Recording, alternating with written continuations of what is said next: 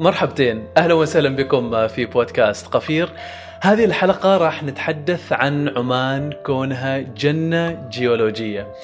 ضيفنا في هذه الحلقة راح يتحدث عن أبرز العناصر اللي تخلي من عمان جنة جيولوجية.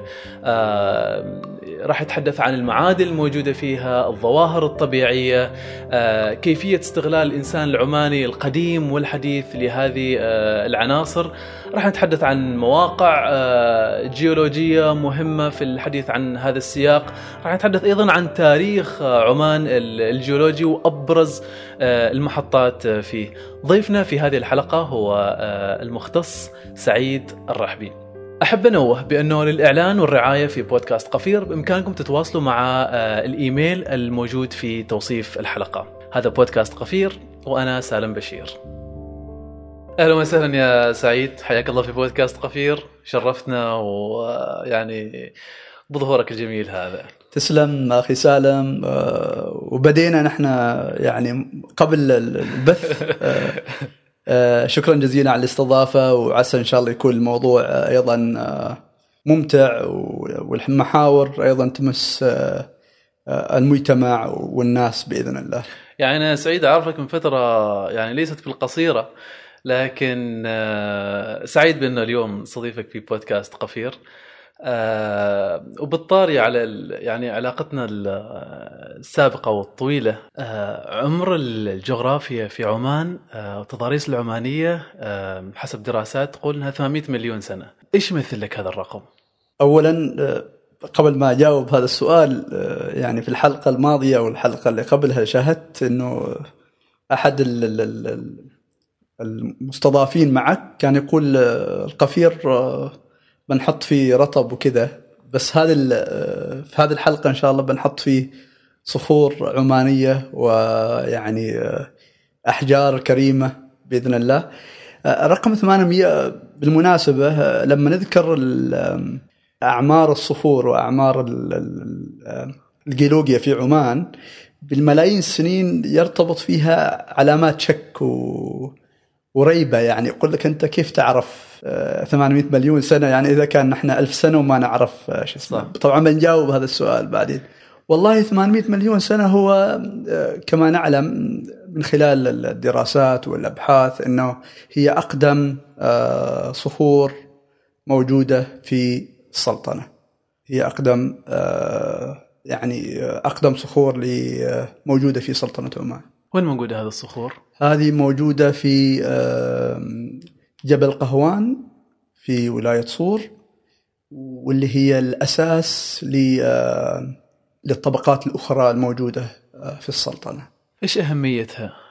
طبعا ممكن ما يكون لها أهمية اقتصادية أو إنها يكون أهمية يعني معدنية أو أهمية احتضان أو مكون من مكونات النفط ولكنها هي تكون الأساس مثل ما ذكرنا ولها أيضا أهمية علمية. يعني كما نعلم راح نذكر أيضا النظرية المشهورة نظرية الصفائح التكتونية. بمعرفة وجود بعض أقدم الصخور في السلطنة يعني وكيف عرفنا أيضا أعمارهم. يعني باللغة الإنجليزية يسوي كورليشن أو يعني ترجمتها. أيوه رسم العلاقة بين الصخور الموجودة في السلطنة هنا والصخور الموجودة في في يعني صفائح أخرى. كما ذكرت لك أنه لدينا نظرية تسمى نظرية الصفائح التكتونية. هذه النظرية باختصار تفترض أنه سطح الأرض مكون من صفائح تكتونية تتحرك وابتدت بصفيحة واحدة. ف احد الطرق لكي تبرهن أن هذه الصفيحة اللي هي مثلا الصفيحة الأفريقية والصفيحة العربية أنها كان صفيحة واحدة أنك تعمل ديتنج أو تحديد أعمار للصخور الموجودة في هذه الصفيحة وفي الصفائح الأخرى.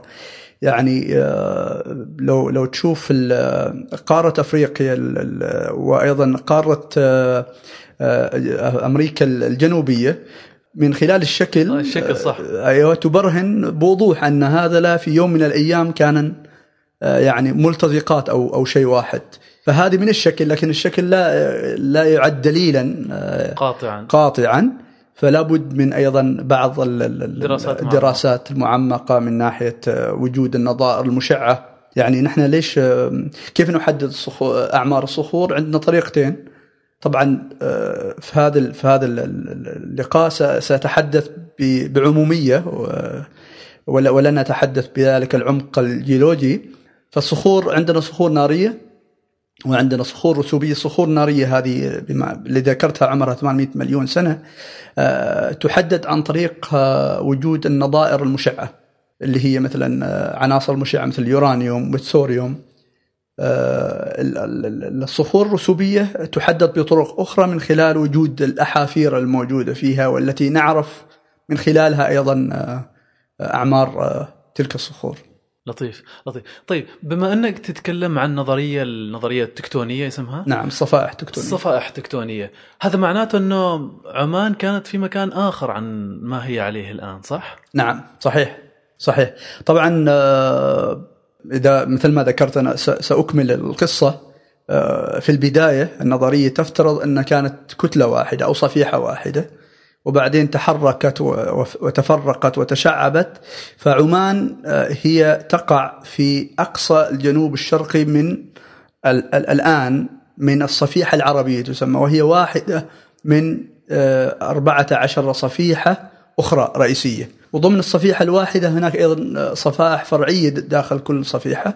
الصفيحة العربية ذكرت سابقا أيضا أنه كانت جزء من الصفيحة الأفريقية وبسبب الحركات العنيفة اللي هي من منذ أزمان بعيدة ملايين السنين انقسمت وتصدعت الصفيحة الأفريقية إلى صفيحتين الصفيحة العربية والصفيحة الأفريقية وما بينهما كما يعلم الجميع البحر الأحمر. فالصفيحة العربية تحركت باتجاه الشمال الشرقي ولا زالت تتحرك للمعلومة لا زالت تتحرك إلى اليوم بمعدل واحد إلى ثلاثة سنتيمتر. طبعا ما ما بنكون في في ذلك الزمان لما تلتقي بالصفيحة الأعلى الصفيحة الأوروبية. اللي هي اليورو آسيوية على ما أعتقد اللي هي تحتضن آسيا و وإيران وأيضا القارة الهندية. طيب زين آه، آه، عطفا على موضوع إنه وين كانت عمان؟ نعم آه، أيوه عمان طبعا ولدينا أدلة قاطعة موجودة مرت بمراحل كثيرة.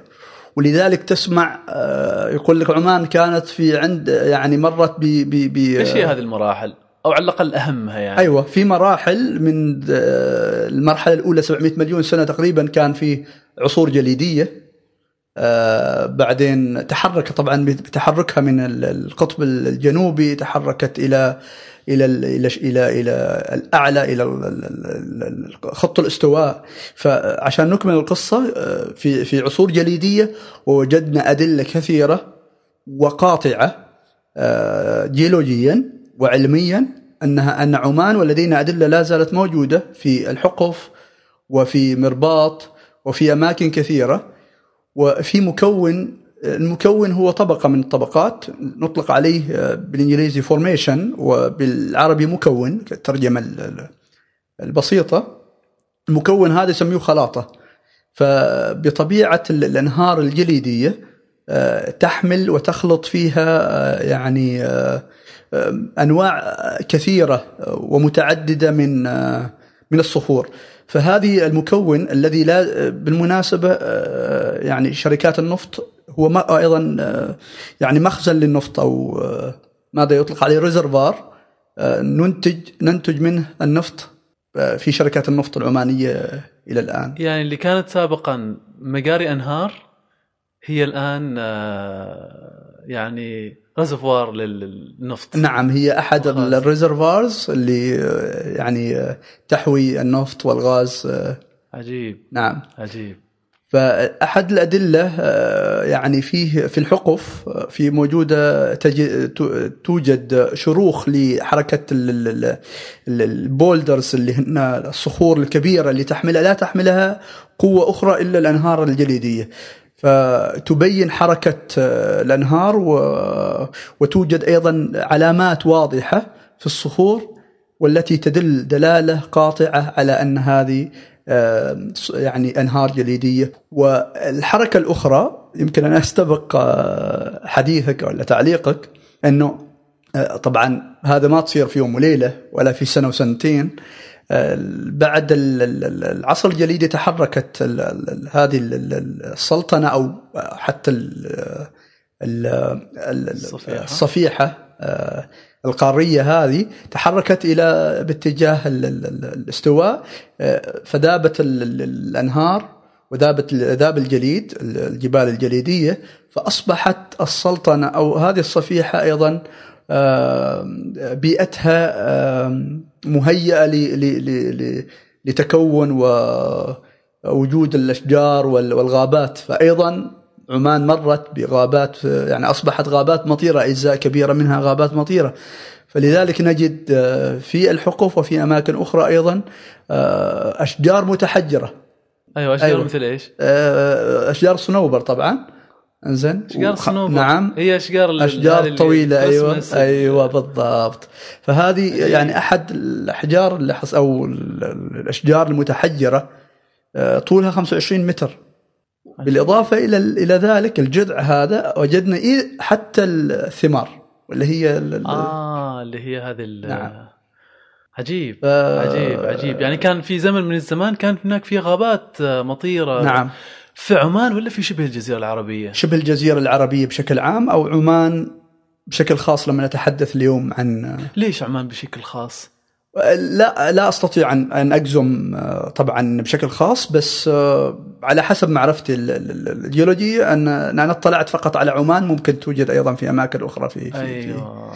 الجزيرة العربية. في أشجار أخرى مرت عليك أو والله هذه المشهورة أخي سالم اللي هي أشجار الصنوبر آه، ويمكن اللي آه، لا أعلم آه، إن كانت يعني حدد نوع الشجر من خلال الثمار أو من خلال الجذع بس قطعا إنه يمكن مثل ما قلت عملوا يعني أبحاث مستفيضة لتحديد نوع الشجر. طيب إنزين في مراحل أخرى مهمة في مسار نعم طبعا من أهم المراحل اللي بنركز عليها واللي اللي هي يعني أثرت بشكل كبير على يعني تاريخ عمان الجيولوجي اللي هي لنفترض إنه الصفيحة الحين خلاص أصبحتوا جيولوجيين يعني أنت والمستمعين الكرام والمشاهدين الكرام. مثل ما ذكرنا سابقا أن الصفيحة العربية موجودة. فمنذ 650 مليون سنة يعني سامحوني تخيلوا شوي. زين 650 مليون سنة آه، آه، صارت حركة آه، ولا زلنا نرى آثارها إلى اليوم. وهذا ما يميز عمان جيولوجيا. منذ 650 مليون سنة يعني اعتلت الصفيحة. طبعا نحن الصفيحة العربية أو الصفيحة العربية هي صفيحة قارية يابسة. اعتلت فوقها صفيحة محيطية التي هي تشكل يعني قاع المحيط. فعندنا صفيحة محيطية وعندنا صفيحة قارية اللي هي اليابسة. ومثل ما ذكرنا في النظرية نظرية الصفائح التكتونية أن هذه الصفائح تتحرك تلتقي وتتصادم وتشكل عندنا ظواهر جيولوجية مثل الجبال والزلازل ويعني المظاهر الأخرى الظاهرة على السطح وأيضا المظاهر الأخرى اللي تحت السطح. فاعتلت الصفيحة المحيطية فوق الصفيحة العربية القارية. وهذا غير طبيعي، الطبيعي إنه الصفيحة المحيطية لما تلتقي بصفيحة آه، قارية آه، تغوص تحتها لأسباب. إن الصفيحة المحيطية هي كثافتها أعلى فما حدث في عمان مميز ولا ولا يوجد في في أماكن أخرى بهذا الظهور. آه. فظهرت وظهرت أن الصخور اللي هي هذه الطبقة المحيطية أو الصخور المحيطية ظهرت طبقة تسمى لدينا Semail ophiolite أو صخور سمائل ophiolite. وهذا المسمى يوجد في أمهات الكتب الجيولوجية. يعني لا تجد لا لا يمر عليك كتاب جيولوجي ذو آه، وزن إلا وذكر ال ophiolite Semail ophiolite. Semail ophiolite Semail ophiolite أو يعني. عمان ophiolite. Semail ophiolite هو المسمى العلمي آه، لهذا لهذه الصخور. اللي هي موجودة في عمان يعني. اللي هي موجودة في عمان. لطيف. طيب الآن إيش المميز فيها هذه؟ يعني عطفا على قصتها. لها أهمية كبيرة جدا أهمية اقتصادية وأيضا أهمية اقتصادية سياحية وأيضا علمية. لنبدأ بال بال بالسبب العلمي أو الأهمية العلمية. الأهمية العلمية أنه هذه الصخور مثل ما ذكرت هي محيطية فالطبيعي أنك ما ما سهل الوصول إليها. فلا بد أنك يعني ممكن يعني يحتاج لك غواصة أو أيضا معدات خاصة للوصول إلى هذه ال- ال- ال- الصخور أو يمكن تحتاج تنقب عن عن هذه الصخور بطريق الحفر العميق في في في المحيطات. ولكن في السلطنة موجودة فلها أهمية علمية أنها سهلة الوصول للعلماء لكي يصلوا إليها ويروها رأي العين ويدرسوها. آه، لها أهمية أيضا اقتصادية أن معظم المعادن الموجودة في السلطنة ومن أهمها ال chromite والنحاس تستخرج من ال ophiolite العمانية يا. والصخور هذه المميز أيضا في عمان أنها ليست قطعة صغيرة هي جبال ممتدة من آه، أقصى الشمال إلى أقصى الجنوب. يعني في ولاية سمايل توجد من مطرح ويمكن حتى إلى آه، دولة الإمارات آه، العربية المتحدة آه، لديها جزء من من في ولاية عمان فتمتد من مطرح إلى أقصى يعني تصل إلى يمكن جنوب الشرقية على ما أظن. ولدينا أيضا نوع آخر من أنواع ال- ال- ال ophiolite اسم- اسمه مصيرة ophiolite جيد فمثل ما ذكرنا له أهمية اقتصادية من ناحية المعادن وله أهمية آه، يعني علمية ولذلك الأهمية اليوم موضوعنا اللي هو ال- السياحة الجيولوجية فلذلك العلماء الحين يعتبروا عمان جنة جيولوجية لأنه يستطيع أن أن يلمس صخور الصخور المحيطية بسهولة آه. كانت كانت كانت ما بإمكانه يعني بالضبط.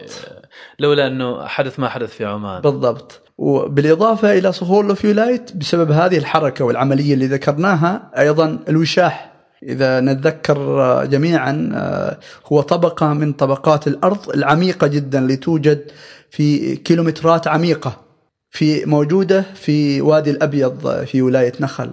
وكذلك آه، هو سهل الوصول إليه. وتستطيع أن آه، أن تلمسه وأن تتخيل يعني أن أن هذا هذا النوع من الصخور أو هذا الخط الوشاح هو موجود سابقا في أعماق سحيقة من الأرض. يعني يصل إلى سبعة سبعة كيلومتر تحت الأرض. جميل جميل جميل. طيب في كل هذه التحولات هل الديناصور كان موجود؟ آه، يعني سالم اسئلتك آه، شكلك آه، مثل ما يقول الأخوة المصريين مذاكر يعني. زين. فنعم آه، الصخور عذرا أنا مركز على الصخور بس الديناصورات تحوي أريد اخذ الصخور. عناصر مختلفة يعني ممتاز. تكلمنا عن النباتات تكلمنا عن الصخور. نعم. ال- ال- الديناصورات موجودة وبالقرب منا بالمناسبة موجودة في في الخوض آه، في السيب في السياح الأحمر وفي دراسات أيضا أنها موجودة في في البريمي محافظة البريمي. و- وهذه الديناصورات طبعا عندنا مثل ما ذكرت سابقا أن لدينا أيضا باحثين عمانيين كفؤ يدرسون هذه الأحافير. ولمن يرغب آه، لرؤية آه، هذه الأحافير يستطيع أن يذهب إلى آه، كلية العلوم بجامعة السلطان قابوس. هناك متحف بسيط وكذلك على ما أظن متحف آه، عمان متحف التاريخ الطبيعي نعم. آه، يوجد أيضا آه، عينات من من من يعني عظام الديناصورات. كان في نوع معين اللي كان موجود في ال- في المنطقة؟ والله في أنواع كثيرة سالم. ال- في أنواع على ما ذكر الدكتور محمد الكندي وهو مختص.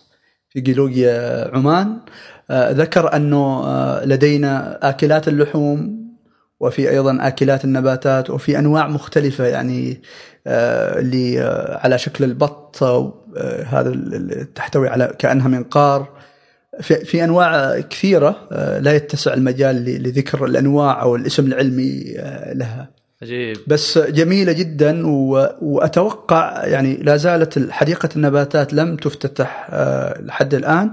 ولكن هناك توصيات أنه بما أن حديقة النباتات توجد في الخوض بالقرب من الأماكن المتوقعه لوجود هذه يعني العظام عظام الديناصورات. فأتوقع وزارة السياحة والتراث إن شاء الله نتمنى ان أن نرى جزء بسيط من من من حديقة النباتات. ولو أنها حديقة نباتات ولكن المكان أيضا مكان طبيعه جيولوجي وطبيعي.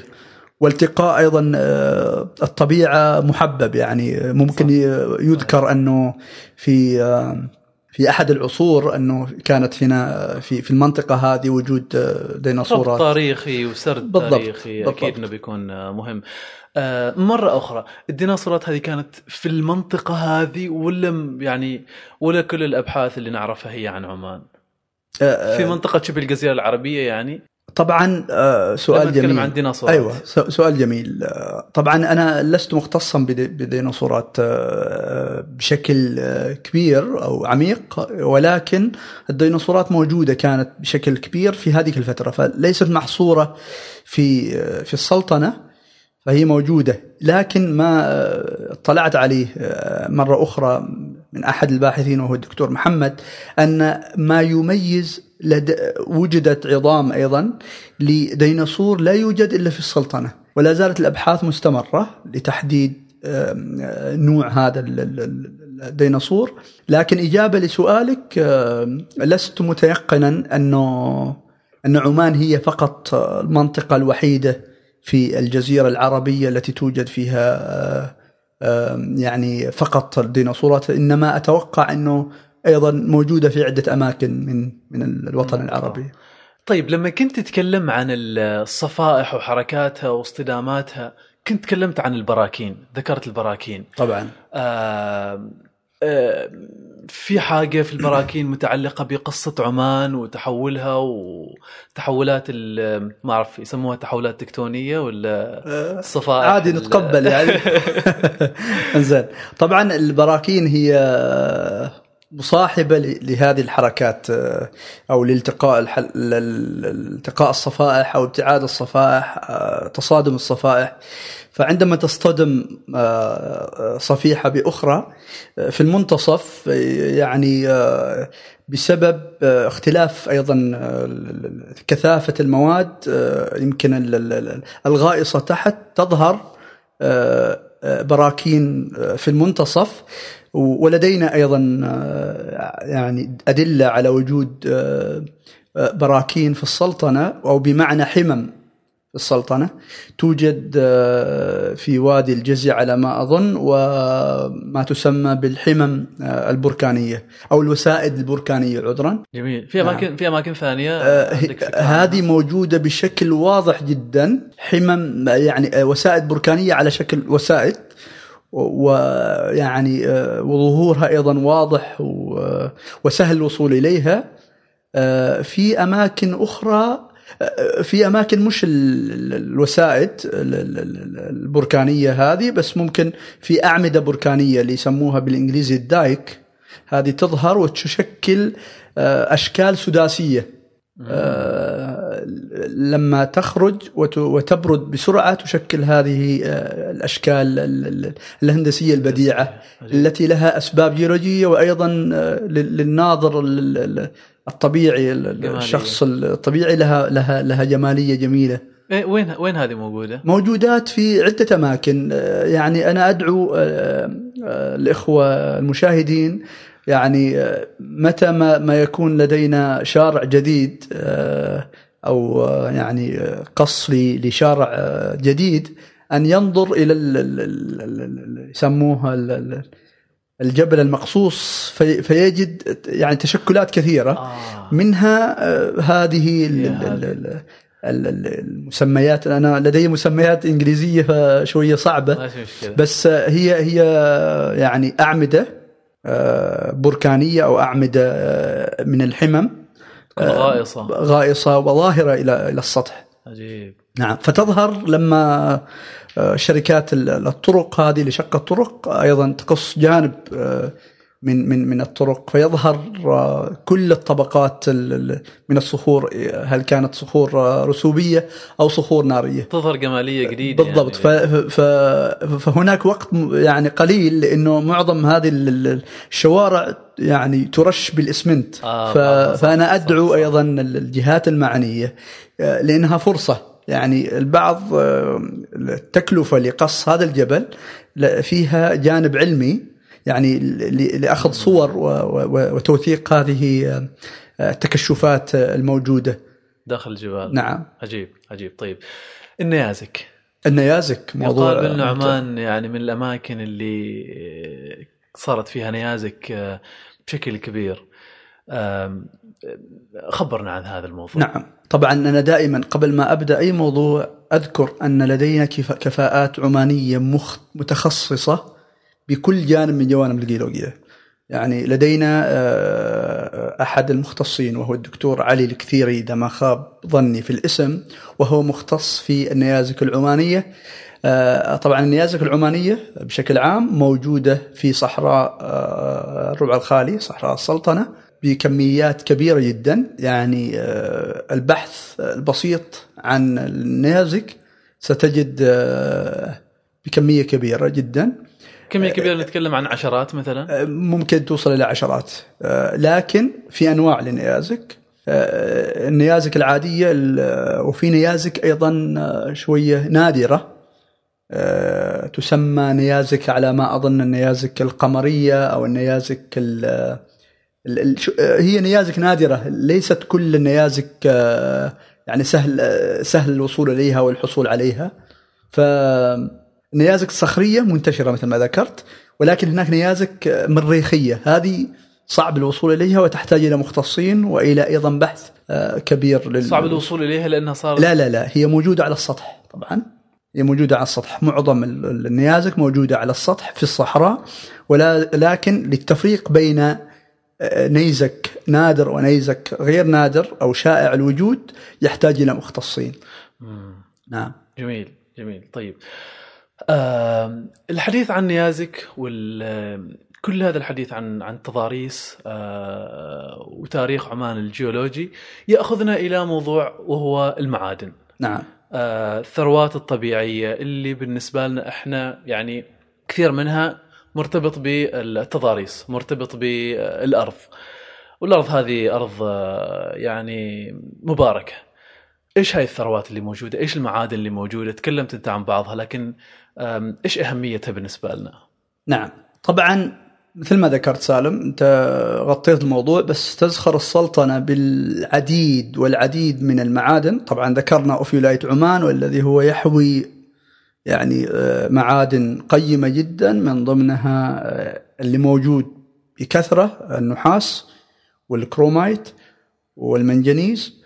وأيضا معادن أخرى طبعا الحديث عن الذهب والألماس أيضا حديث واقعي توجد ولكن آه، على حسب علمي آه، آه، هناك يعني دراسات مستفيضة وستعلن عنها في وقتها بإذن الله من قبل الجهات المعنية في توجه ل استخراج الذهب. استخراج الذهب وفي دراسات موجودة ومثبتة ولكن ستعلن عنها من خلال الجهات المعنية. ما أذكره هنا أن آه، أثناء استخراج النحاس هناك آه، أيضا كمية قليلة جدا أثناء استخراج النحاس آه، توجد كميات قليلة من الذهب أيضا تستخرج والذهب موجود. مثل ما ذكرت لك موجود ك كمنتج يعني مصاحب للنحاس. ولكن كميات قليلة. كان هناك ولا زال آه، فيه آه، مناجم للذهب ولكن من خلال أيضا رؤية عمان 2040 هناك توجه كبير و لاستغلال استغلال الأمثل لهذه المعادن الثمينة. معادن. النحاس على طار النحاس قبل ما ننتقل إلى شيء آخر أو النحاس تاريخيا في بالضبط. عمان تسمى مجان ومجان إشارة إلى النحاس. الإنسان العماني القديم استغل النحاس بطريقة يعني يعني رائعة جدا. نعم طبعا النحاس مثل ما ذكرت موجود من ثلاثة آلاف عام و... ولذلك المسمى مسمى مجان آه، الذي يعبر عن عن وجود ال- ال- ال- النحاس طبعا آه، توجد إي- حتى مصاهر ومحاجر آه، قديمة؟ قديمة وين؟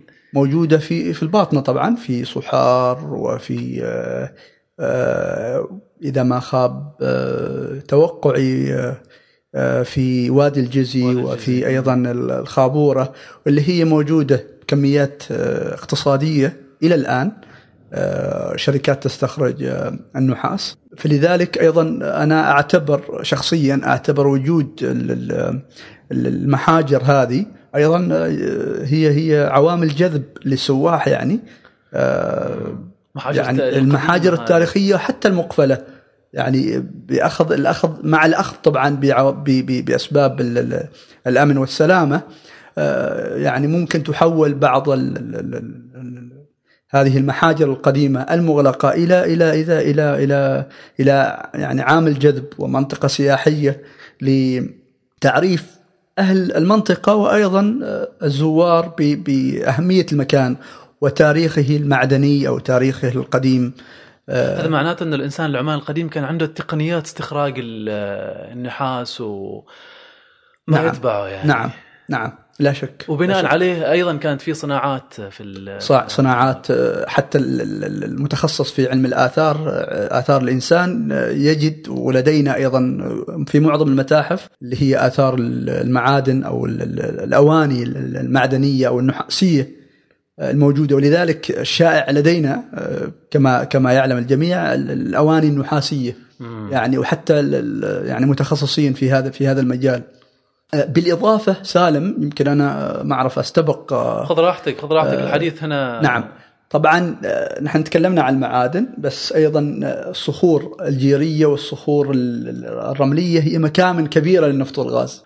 يعني آه، هي كصخر إذا كان آه، يعني آه، ظاهر للسطح لا توجد له أهمية اقتصادية كبيرة إلا أن وجوده تحت الأرض له أهمية كبيرة اقتصاديا من خلال احتوائه للنفط والغاز.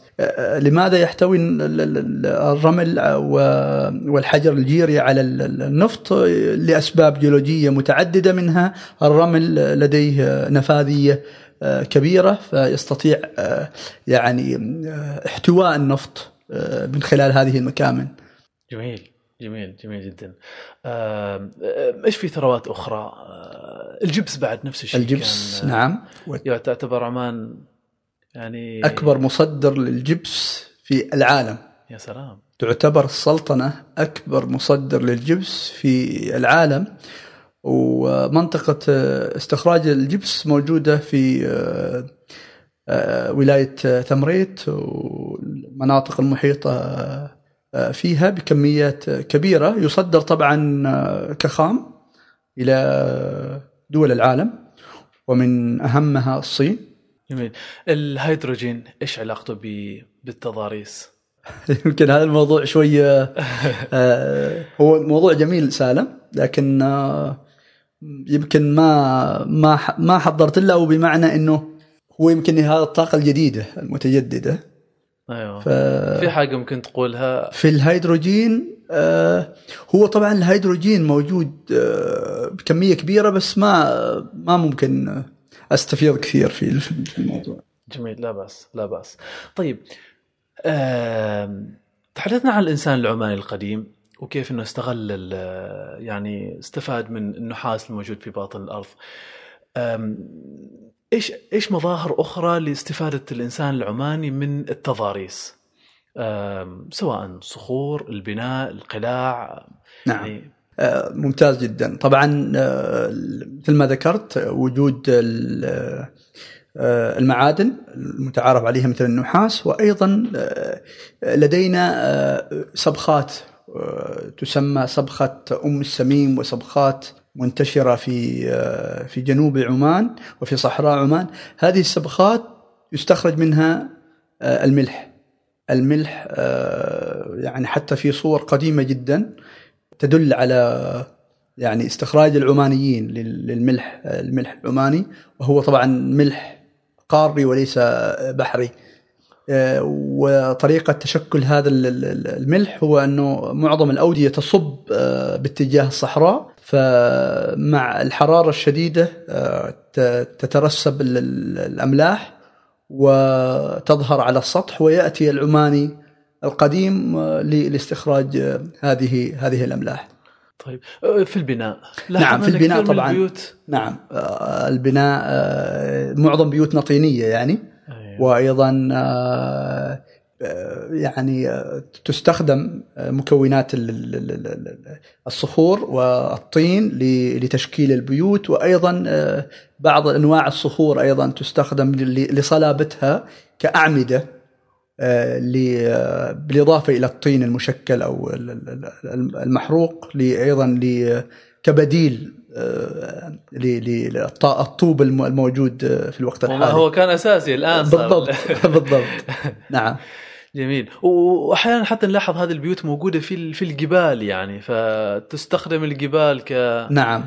طبعا إذا ذكرنا الكهوف سالم الكهوف بأنواعها في كهوف صغيرة جدا آه، أنا أتكلم عن الكهوف ليست كجذب سياحي ولكن نفس موضوعك هي علاقتها بالإنسان. الكهوف هي يعني في بعض الأحيان كانت تستخدم مساكن أو ملاجئ أو أماكن للاحتواء آه، من من الصقيع أو من الحر أو من البرد الشديد. آه، والكهوف أيضا موضوع موضوع شائق له علاقة بالسياحة الجيولوجية في عمان سياحة المغامرات. طيب آه سعيد بالنظر إلى كل هذه التنوع التضاريس والتنوع البيئي فيما يتعلق بالجيولوجيا البيئة الجيولوجية في عمان كيف يمكن ننظر لها على أنها سياحة جيولوجية؟ إيش يعني السياحة الجيولوجية؟ نعم طبعا آه، مثل ما ذكرت مصطلح السياحة الجيولوجية واللي هو يطلق عليه الجيو توريزم باللغة الإنجليزية آه، تقوم السياحة الجيولوجية على استخدام مواقع لها سمات جيولوجية معينة بشرط أن لا آه، يعني تدمر أو تمس مما يؤثر على استدامتها. وما يميز السياحة الجيولوجية أنها يعني تهتم بتطبيق آه، مفاهيم الاستدامة. بمعنى انه استخدام عناصر الطبيعة واستخدام أيضا المقومات البشرية المحلية لتقديم صورة متكاملة. للموقع. يعني بمعنى إنه الموقع محلي لنفترض لنتخيل موقع آه، كهف من الكهوف أخي سالم. الكهف برو بدون بدون عوامل أخرى سيصبح مملا. آه، تتفق معي. آه، تقديم تفسير علمي له للمختصين. يعني إذا إذا كان الزائر مختص سيجد مبتغاه من التفسير الجيولوجي. وإذا كان السائح شخص آه، عادي ومختص بتخصصات أخرى أيضا سيجد القصة الجيولوجية البسيطة التي أيضا تربطه بالمكان. فوجود العناصر الأخرى أو القصة الكاملة للموقع وأيضا وجود الأنشطة التي آه، يعني تدعم هذا هذا الموقع. يعني نعطيك مثال كهف الهوتة. آه، أتوقع أنك زرته. نعم. كهف الهوتة موجود في ولاية الحمراء. كهف الهوتة كأي كهف هو كهف آه، عادي. عادي. إلا أن تطويره آه، بشكل معين أصبح جاذب للعوائل وللأطفال وللمختصين. فهناك عربة تستقبل أو تأخذ الزائر لتريه يعني عناصر مدهشة عناصر مدهشة من الهوابط والطوالع وتشكيلات رائعة من من من من مكونات الكهف. فوجود هذه العوامل وأيضا الأخ سالم إنه لما تطور المكان أو المعلم أيضا تضعه تحت أعين الجميع فيصبح محميا. بهذه الطريقة.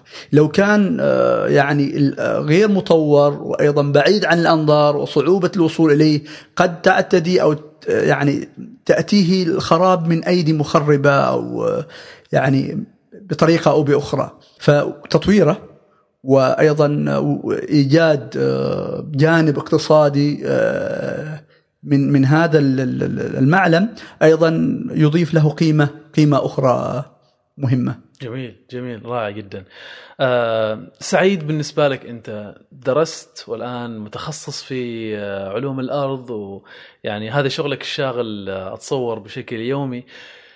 إيش أضاف لذاتك؟ آه معرفتك بكل هذه العناصر، إيش أضافت لك الأرض لك أنت ذاتك؟ نعم. طبعا أخي سالم آه، نحن درسنا تخصص علوم الأرض الجيولوجيا وهو تخصص جميل. يعني لمن لا يعرف آه، تخصص آه، علوم الأرض يعني يفتكره إنه جغرافيا أو يعني فقط النظر إلى الجبال بدون بدون معرفة. ولكن بعد التخصص ومعرفة حيثيات العلم هذا يعني يفتح لك آفاق أخرى. يعني الشخص العادي لما يمر أخي سالم على شوارع السلطنة والسلطنة يعني ثرية بتضاريسها العظيمة والمتنوعة أيضا في جبال وفي سهول وفي آه، يعني آه، أنواع مختلفة من من الظواهر الطبيعية. آه، لما تمر ويكون لديك علم بهذا الشيء تضفي يعني رهبة واحترام للمكان وتقدير للمكان أيضا وارتباط بالمكان أيضا. فكوني جيولوجي ومختص يضيف لي إضافة وأيضا آه، مسؤولية مسؤولية لتعريف الآخرين إنه لدينا يعني كنز في السلطنة وليس كنز كنوز آه، كنوز ظاهرة ونراها رأي العين كل يوم يعني وفي كل قطعة قصة. وفي كل آه، جزء من هذه الأرض الطيبة قصة وأيضا مرت ملايين السنين. فهذه هذه الجزء من من من من من أرضنا الحبيبة آه، يعني مر بمراحل يعني من حرارة ومن جليد ومن رياح ومن أشياء صعبة وأشياء جميلة. ومرت أيضا فيها أقوام كثيرة. فلما نجمع هذه القصة الكبيرة لأرضنا آه، يعني تتشكل صورة كبيرة وأيضا تساعدك على التأمل للمهتمين في هذا المجال أيضا. التأمل يعني لما تجلس مع نفسك أو تزور مكان جديد. إنزين وتنظر إلى المكان الجديد من من جبل أو من سهل أو من آه، أي مكون آخر تنظر إليه بنظرة مختلفة. فتحاول أن تفهم ما ما سبب وجود آه، هذا الجبل ولماذا هو يعني فيه طية معينة أو فيه فالق معين. آه، وهذه كلها قصة غائرة في زمن. أظن سعيد أنتم أكثر ناس تشاهدوا رأي العين آه، استجابة آه، دعاء النبي عليه الصلاة والسلام لأرض عمان بالبركة. فأحييكم. احييكم بارك الله فيك. سالم. إذا كان في كلمة أخيرة آه، لك المساحة. طبعا أخي سالم لدي رسالتين أو الكلمة الكلمة الأولى إلى خريجي جامعة أو خريجي علوم الأرض من من من من كل الجامعات أنه يعني آه، يشمروا عن سواعدهم وأيضا آه، يوجدوا لمن آه، للباحثين عن عمل أيضا يتبحروا في في جيولوجية عمان. وأيضا يوجدوا يعني مشاريع صغيرة ومتوسطة لها علاقة بالسياحة الجيولوجية أو بجيولوجية عمان. فهناك فرص كثيرة عجيب. مرتبطة بهذا بهذا بهذا المجال.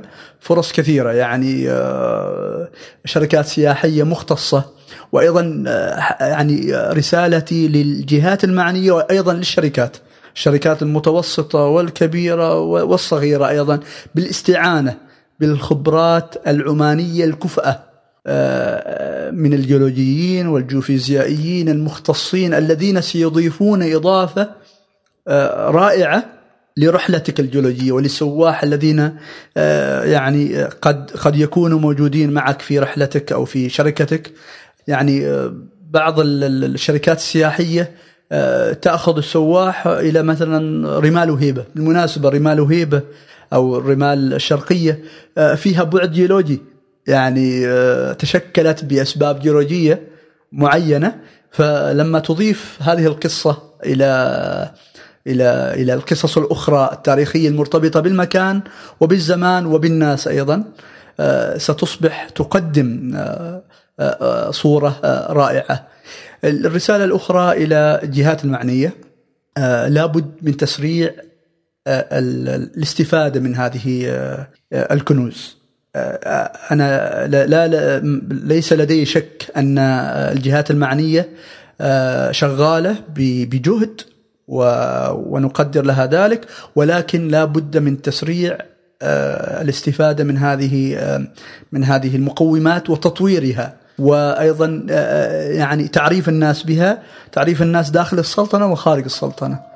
ورسالتي الأخيرة لك سالم شكرا جزيلا على الاستضافة الجميلة و... وأيضا الوقت الرائع اللي قضيناه معا يعني. بارك الله فيك أحسنت. أنت شكرا على يعني تلبية الدعوة وكان حديث رائع معك. أنا شخصيا استمتعت. يعطيك العافية وبارك الله فيك.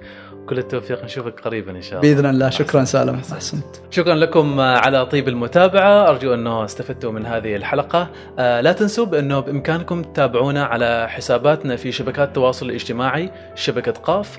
آه، ولا تنسوا أيضا الاشتراك في البودكاست عشان توصلكم حلقاتنا اولا بأول. نذكركم بأنه للرعاية والإعلان في بودكاست قفير بإمكانكم تتواصلوا عن طريق الإيميل موجود في توصيف الحلقة. إلى نلقاكم في الحلقة القادمة. سلام.